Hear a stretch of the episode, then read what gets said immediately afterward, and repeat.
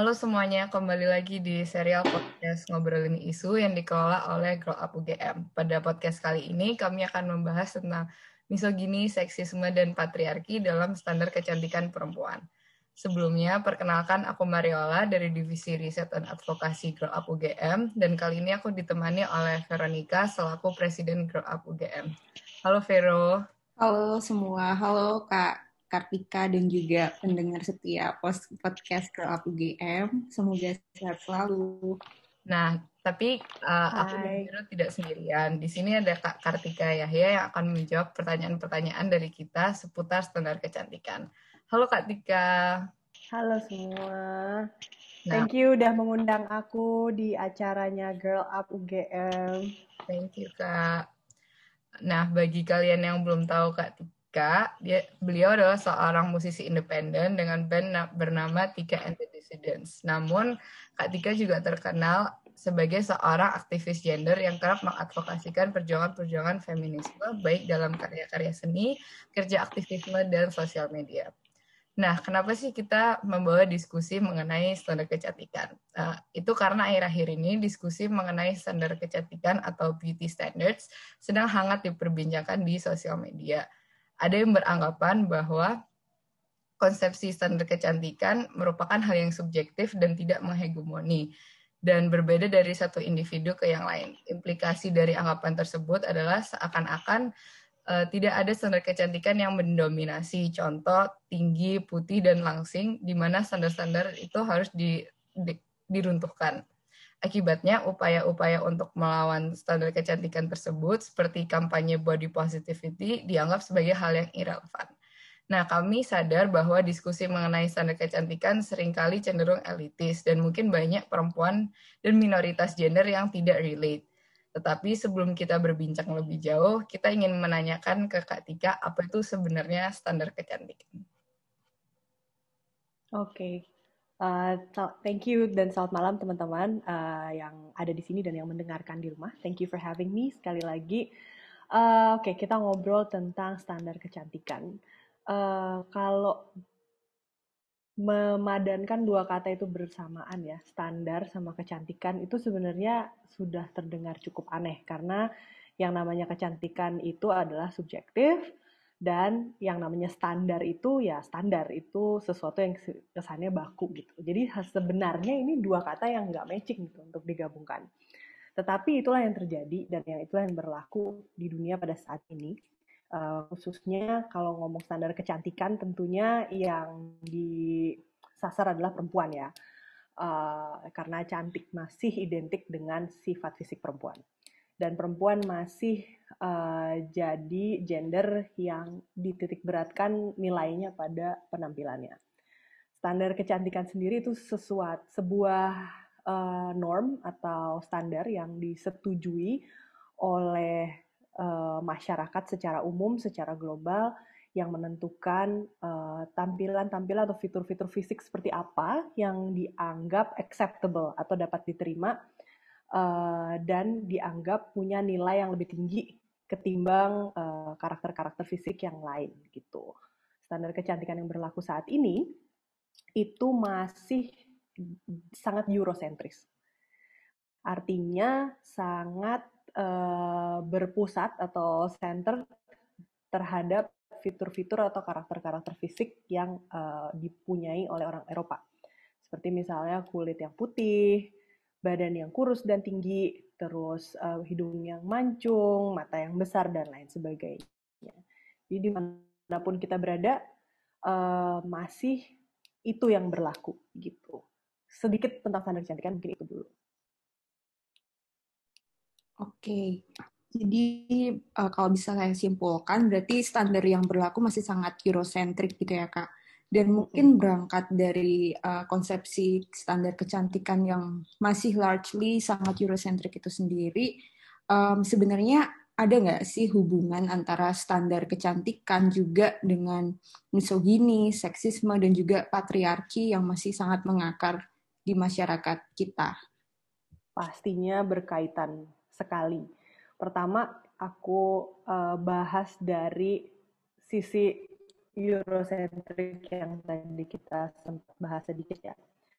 uh, dan kaitannya itu dengan uh, kolonialisme gitu dan bagaimana kolonialisme itu nggak cuma sekedar uh, claiming suatu uh, sesuatu secara geografis atau claiming secara wilayah tapi juga claiming uh, budaya cara pandang dan lain sebagainya dan ke mana pun kita di dunia itu yang pegang standar kecantikan itu masih uh, apa namanya fitur-fitur yang mendekati orang Eropa gitu. Contohnya misalnya di Afrika atau di Jamaika gitu uh, ada krim, ada prevalent problem dengan uh, colorism gitu, uh, bahwa meskipun mereka berkulit hitam tapi yang dianggap lebih cantik dan masuk ke media dan terwakilkan di media adalah uh, orang Afrika yang kulitnya cenderung lebih putih uh, atau orang yang kulitnya hitam tetapi punya hidung yang kecil mancung seperti itulah kira-kira. Jadi tetap atau misalnya di uh, Korea gitu yang punya uh, apa namanya yang memegang standar kecantikan yang dianggap ideal itu masih tetap yang punya fitur hidung mancung juga uh, apa dagu yang tirus dan itu masih uh, sebenarnya kalau dipikir-pikir ya semuanya eurocentris juga mau mau di Indonesia uh, Meksiko kalau lihat telenovela gitu kan semua orang yang kita lihat telenovela itu tidak menggambarkan uh, fitur fisik Native American gitu sama sekali gitu. Nah terus bagaimana sih kaitannya sama uh, misogini dan sama patriarki gitu? Kalau aku tarik tadi aku sempat ngomong bahwa kenapa kalau ngomongin standar kecantikan itu identik sama perempuan gitu. Karena perempuan itu pertama-tama dinilai itu dari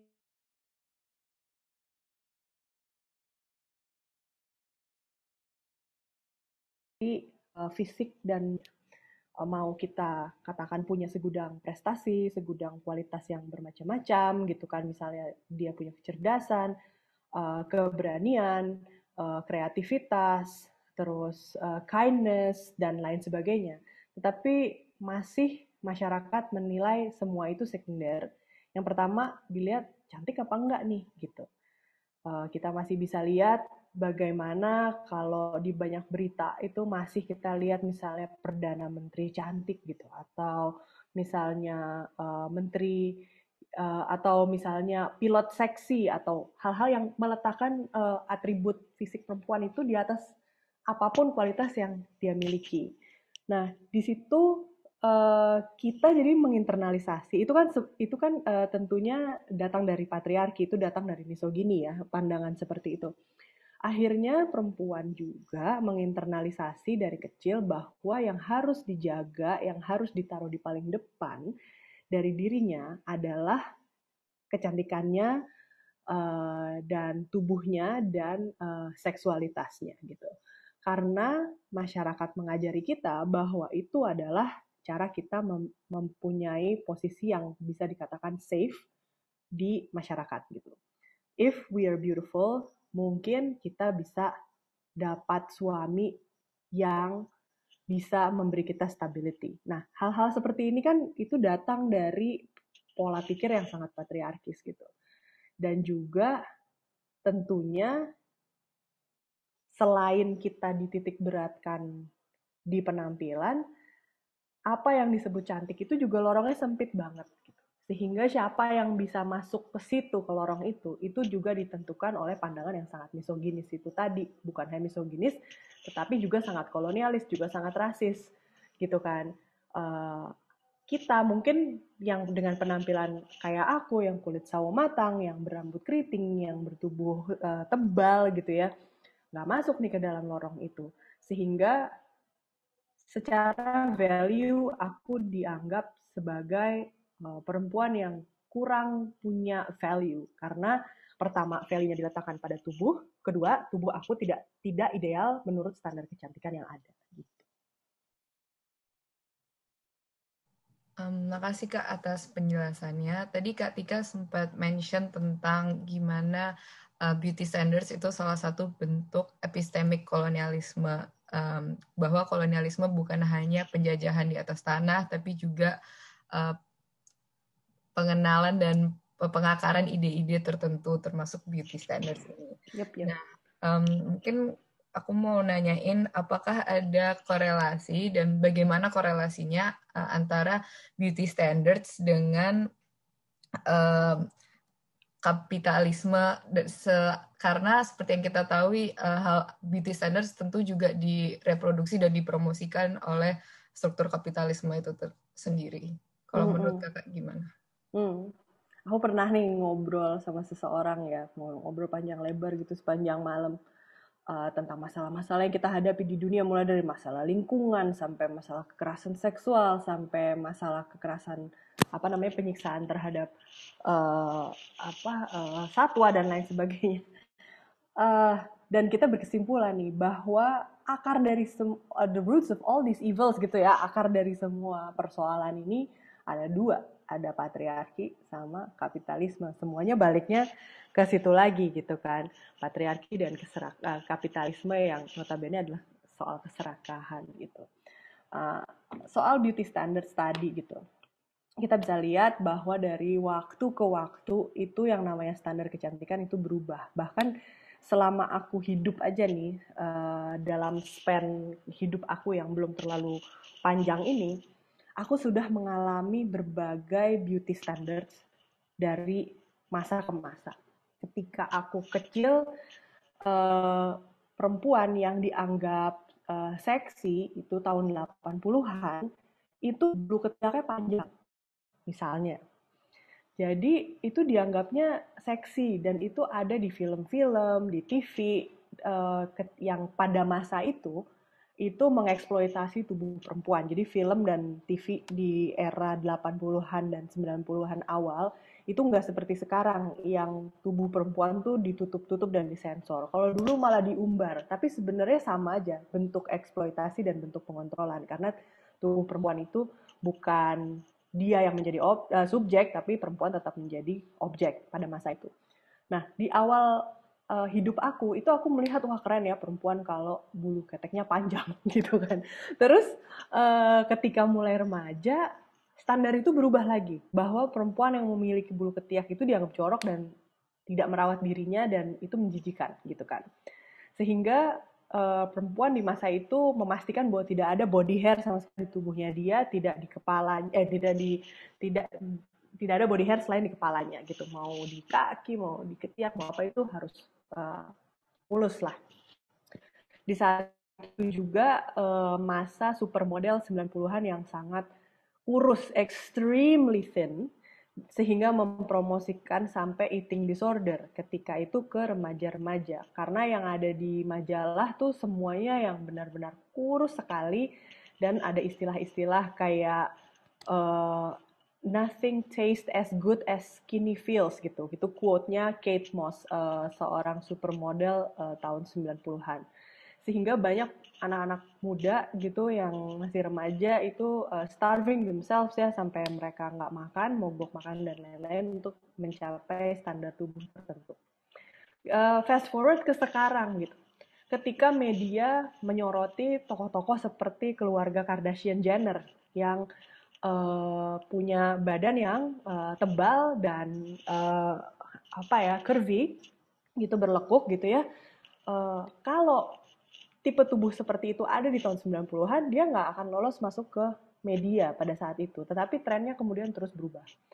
Uh, sekarang semua perempuan uh, apa uh, yang yang teraspirasi atau terinspirasi dengan standar kecantikan ini berlomba-lomba untuk melakukan lip filler, cheek filler, dan uh, butt filler dan lain sebagainya untuk membuat tubuhnya jadi kelihatan lebih tebal, ya, bibirnya dan lain sebagainya. Uh, dan ini juga ada faktor rasisme juga yang masuk ke sini kita bisa bahas nanti uh, soal apropriasi penampilan uh, perempuan. Tetapi kalau pertanyaannya tadi bagaimana korelasinya sama kapitalisme, di setiap masa dari dari body standard yang bulu ketiak sampai yang extremely thin sampai yang sekarang itu ada pihak-pihak dan industri-industri yang mengeruk keuntungan besar sekali dari insecurity perempuan dan keinginan perempuan untuk masuk ke dalam lorong uh, standar kecantikan itu gitu. ketika industri diet itu mencapai peaknya di tahun 90-an gitu kan dari mulai uh, apa tawaran um, catering diet sampai uh, iklan rokok yang menampilkan perempuan yang sangat kurus dengan uh, kesan bahwa kalau kamu tidak makan dan kamu hanya merokok saja, it's gonna make you look cool, it's gonna make you look like a supermodel. Sampai sekarang misalnya eh, brand-brand fashion sampai brand-brand uh, sampai apa namanya uh, cosmetic surgeons dan lain-lain yang ingin mengalterasi tubuh perempuan supaya sesuai dengan standar kecantikan. Jadi memang uh, jutaan bahkan triliunan dolar yang dihasilkan setiap tahunnya dari industri kecantikan yang bukan membuat perempuan feel good about themselves, tetapi feel bad about themselves untuk supaya mereka membeli produk-produk ini. Gitu. Ketika kalau nggak salah tahun 2000-an awal itu saya iseng pergi ke beberapa supermarket untuk mencari produk skincare supermarket yang ada di shelf supermarket yang cukup terjangkau ya. Kalau kita ngomongin skincare yang mahal-mahal, uh, beda lagi tuh mungkin. Tetapi skincare yang terjangkau di supermarket itu tahun 2005 dari 80 sekian itu 72 saya ingat kalau nggak salah 72 itu mengandung kata whitening, brightening dan lain sebagainya. Jadi semakin kita berbicara hmm, tentang market kalau, kalau demografi market itu kadang-kadang dibagi menjadi market A, market B, market C gitu ya.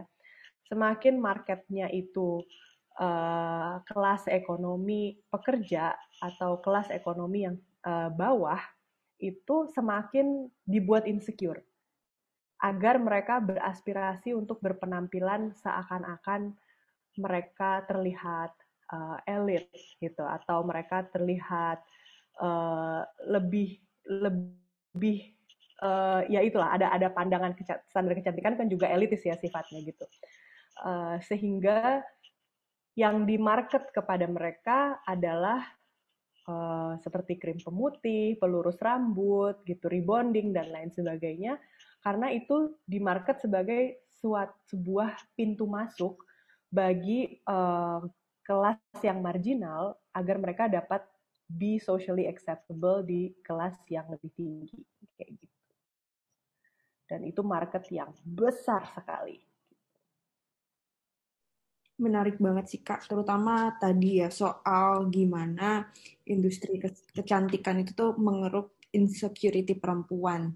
Dan juga mungkin yang ingin aku tanyakan berangkat dari poin gimana perbincangan soal uh, standar kecantikan ini sering kali elitis dan mungkin uh, banyak perempuan dan minoritas gender yang gak bisa relate begitu. Um, kira-kira apa sih uh, pentingnya melawan standarisasi kecantikan bagi gerakan feminisme nih, utamanya di Indonesia? Yang pertama adalah untuk mendobrak anggapan bahwa value kita, nilai atau self worth kita itu ada di penampilan. Bahwa penampilan adalah salah satu kualitas yang bisa kita jadi jadikan uh, apa namanya sesuatu yang uh, kita banggakan atau kita embrace. Tetapi bukan itu aja gitu kualitas kualitas seorang perempuan. Itu harus kita dobrak karena mungkin kamu aku di sekeliling kita udah nggak berpandangan seperti itu ya. Tapi ternyata kalau kita keluar dari bubble kita nih masih seperti itu masyarakat pada umumnya gitu.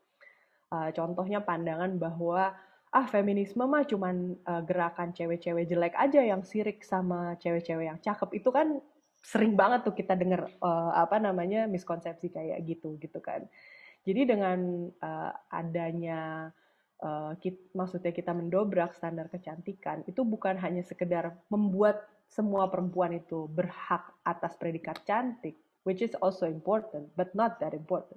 Tetapi juga tapi terlebih untuk membuang uh, pola pikir bahwa kecantikan itu adalah segalanya gitu kadang-kadang aku suka terkejut ya karena aku memang hidup di dalam bubble terus terang gitu aku me, mengelilingi diriku dengan orang-orang yang tidak body shaming, yang body positif, yang bisa menerima seksualitas perempuan, uh, embrace seksualitas dirinya.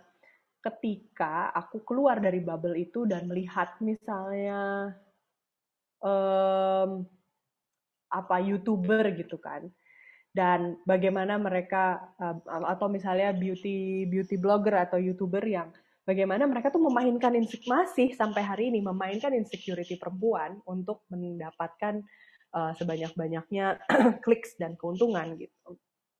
Dan itu kadang-kadang suka mengejutkan sih kayak uh, so, salah seorang selebgram atau uh, youtuber yang mungkin paling influential di Indonesia gitu seorang perempuan muda gitu kan yang uh, bicara soal bagaimana dia disayang sama suaminya uh, alasannya adalah karena dia pakai krim payudara yang membuat uh, payudaranya menjadi besar gitu kan uh, dan itu di captionnya ada tulisan seperti uh, aku nggak perlu takut lagi suamiku matanya ke mana-mana karena payudara aku sudah cukup oke okay. Dan aku kadang-kadang suka sedih gitu ya ini anak umur 20-an gitu kan, seumuran kalian yang kita pikir anak sekarang udah akses informasinya oke, okay, udah lebih progresif. Tapi ternyata jualan krim payudara masih memainkan insecurity perempuan terhadap pasangannya. Padahal dia bisa gitu ngomong kayak, ya I feel much better, saya memang dari dulu pengen punya payudara yang besar, jadi setelah pakai krim ini saya jadi ngerasa pede aja sama diri sendiri gitu. Gak usah mainin insecurity, jangan laki-laki laki-laki tidak akan ke lain hati karena payudara saya ini adalah untuk laki-laki yang uh, untuk suami saya kayak gitu. Jadi hal-hal seperti ini tuh masih prevalent banget dan masih sangat relevan untuk uh, dibicarakan, untuk dibongkar gitu. Oke kak, um, ya menurutku tuh uh, hal yang penting sih bukan hanya tentang semua orang berhak untuk merasa cantik dan segala macam, tapi untuk mendobrak uh, standarisasi itu sendiri. Um, untuk pertanyaan selanjutnya, um, kita mengetahui bahwa ide mengenai kecantikan atau penampilan yang ideal biasanya uh, berkelindan dengan fat phobia, colorism, dan lain-lain. Mungkin yes banyak pendengar kita yang masih awam mengenai topik ini. Tapi sebenarnya bahaya seperti apa yang bisa ditimbulkan oleh standar kecantikan dan apropriasi tubuh perempuan yang tadi Kak Tika mention. Oke, okay. soal uh, colorism dan apa tadi soal apropriasi tubuh dan soal fat phobia. fat, fat phobia. Oke. Okay. Uh, nah, kadang-kadang nih uh, kawan-kawan kalau kita pakai istilah-istilah seperti fat phobia atau uh, apa namanya colorism atau uh, apropriasi tubuh gitu ya uh, aku kadang suka suka berhati-hati menggunakan istilah-istilah ini agar supaya uh, konsep atau narasi body positivity ini nggak terlalu kerasa ketinggian gitu. Karena semua orang sebenarnya ngalamin tapi kalau misalnya kita menggunakan istilah-istilah tertentu uh, jadi banyak orang yang malah nggak bisa relate gitu dengan dengan apa yang uh, sebenarnya mereka alami sehari-hari. Tetapi dalam konteks perbincangan kita ini nih gitu, aku merasa mungkin teman-teman dari Girl Up sama uh, audiens yang di sini juga udah paham apa itu colorism, apa itu fat phobia dan lain sebagainya. So it's fine kalau kita menggunakan istilah-istilah seperti itu gitu ya. Uh, jadi memang ada hierarki di dalam standar kecantikan. Hierarki ini ber uh, ber apa ya berakar pada yaitu tadi kolonialisme, rasisme dan lain sebagainya, uh, di mana perempuan yang uh, sama juga whiteness gitu kan, whiteness itu memang selalu memang uh, jadi sentral dari semua semua hal gitu, bukan cuma standar kecantikan, tetapi uh, apa whiteness juga jadi standar dari misalnya uh, akad apa uh, edukasi dari semua hal lah. Pokoknya di tengah-tengahnya tuh selalu ada itu. Gitu. Jadi standarnya memang masih ke barat gitu kan. Tetapi ada juga di luar itu ketika koloni kolonisasi awal-awal ada gitu kan. Ketika colonizer dari barat itu datang ke negara-negara seperti di Indonesia, di Afrika dan lain-lain dan melihat fisik kita gitu. Kita itu dicemooh. Ih, jelek lah pokoknya bagi mereka, fisik kita itu dicemooh. Tetapi kita juga diseksualisasi dan difetishize gitu. Jadi di satu sisi itu dianggap buruk rupa, tapi di sisi lain itu dijadikan fantasi seksual Uh, dan ketika misalnya sekarang kita uh, apa namanya uh, fast forward ke hari ini ada tipe tubuh seperti yang tadi saya bilang Kardashian Jenner yang sekarang menjadi tipe tubuh yang dianggap paling seksi, paling paling bagus di masa sekarang gitu kan. Kita nggak melihat bahwa tipe tubuh ini adalah tipe tubuh yang identik dengan uh, masyarakat atau komunitas kulit hitam. Di uh, curve-nya, bibir yang tebal, tetapi juga mereka nggak mau uh, mengakui itu gitu. Di sisi lain, perempuan kulit hitam yang mempunyai fitur-fitur seperti bibir tebal dan pantat yang besar itu tetap dianggap jelek gitu kan, tetap dianggap uh, kurang kurang nggak sama lah gitu, masih secara hierarkis masih di bawahnya. Sementara orang kulit putih mengadopsi penampilan-penampilan ini, tetapi dengan sentuhan yang masih berasa palatable untuk white people gitu. Jadi uh, ini yang aku selalu bilang sebagai bentuk jadi apropriasi nggak cuman hanya uh, fashionnya aja seperti misalnya bagaimana mereka mengambil uh, apa namanya budaya dan menjadikannya sebagai fashion atau aksesoris mereka aja. Tetapi juga bentuk tubuhnya tuh diapropriasi gitu.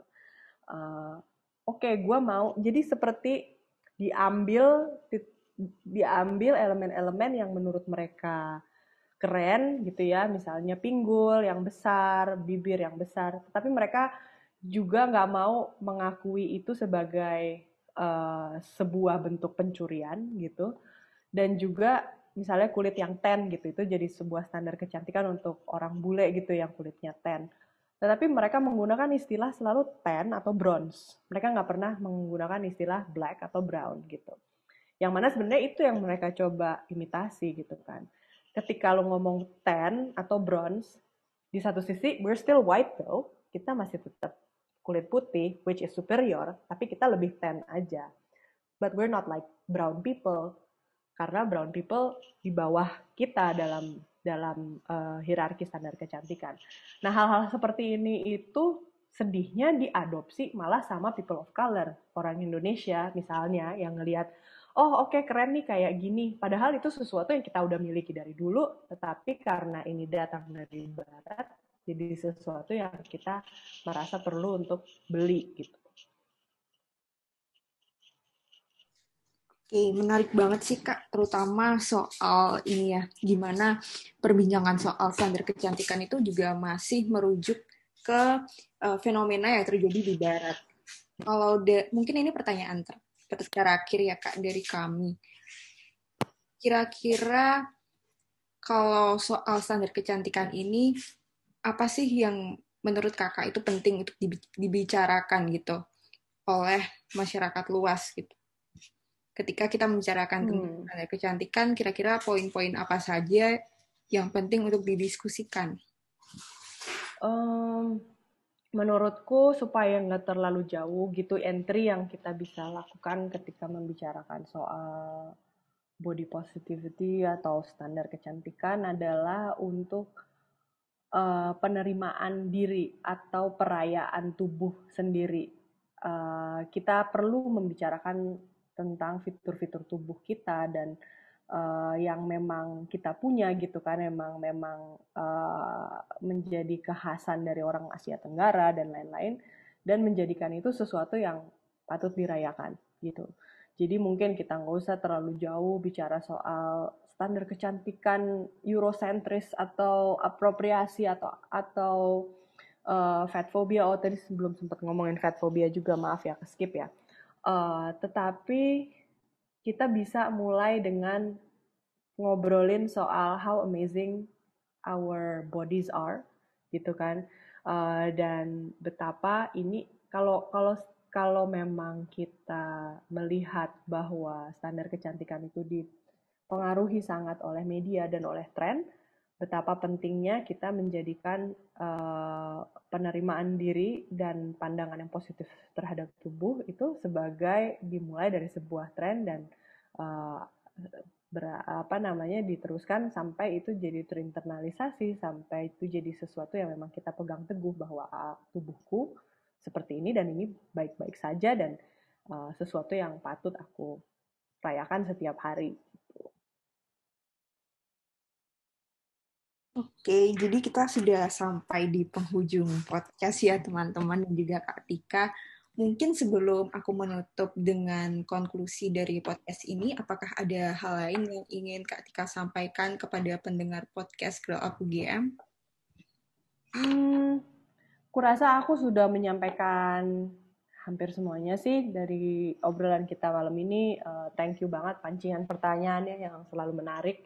Uh, tapi ya paling aku menekankan lagi gitu ya bahwa bahwa embrace yourself, uh, embrace your body dan sexuality itu penting banget. Tapi kita juga jangan lupa bahwa kita bukan hanya body positivity atau atau mendobrak standar kecantikan itu bukan hanya sekedar empower individu-individu untuk bisa melakukan uh, apa bisa punya pandangan yang body positif, tapi juga dengan meruntuhkan struktur dan sistem yang selalu membuat perempuan itu uh, devalue nilainya berdasarkan tubuhnya gitu.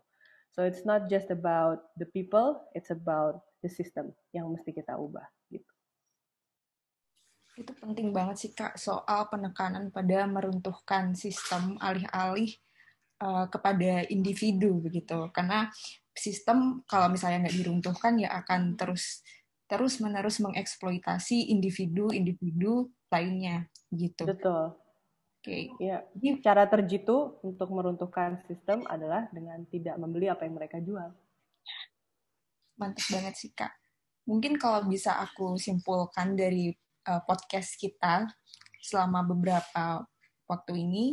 Jadi cantik ini masih diorientasikan pada perempuan dan karena perempuan dititik beratkan pada kecantikan dan penampilannya dan standar yang berlaku masih sangat Eurocentric gitu. Dan kenapa hal ini penting dibicarakan? Pertama adalah di masyarakat yang misoginis, perempuan masih dinilai dari pres, dari penampilannya, sedangkan prestasi lainnya dijadikan sebagai uh, kualitas nomor sepersekian gitu.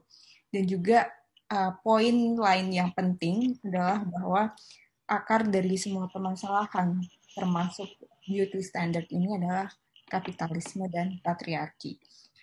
Mungkin sampai di sini untuk episode podcast Girl Up UGM mengenai misogini, seksisme, dan patriarki dalam standar kecantikan yang, yang menghadirkan Kak Kartika Yahya sebagai speaker. Sampai ketemu pada podcast selanjutnya dan sehat selalu. Thank you. Thank you, Kak. Thank you, everyone.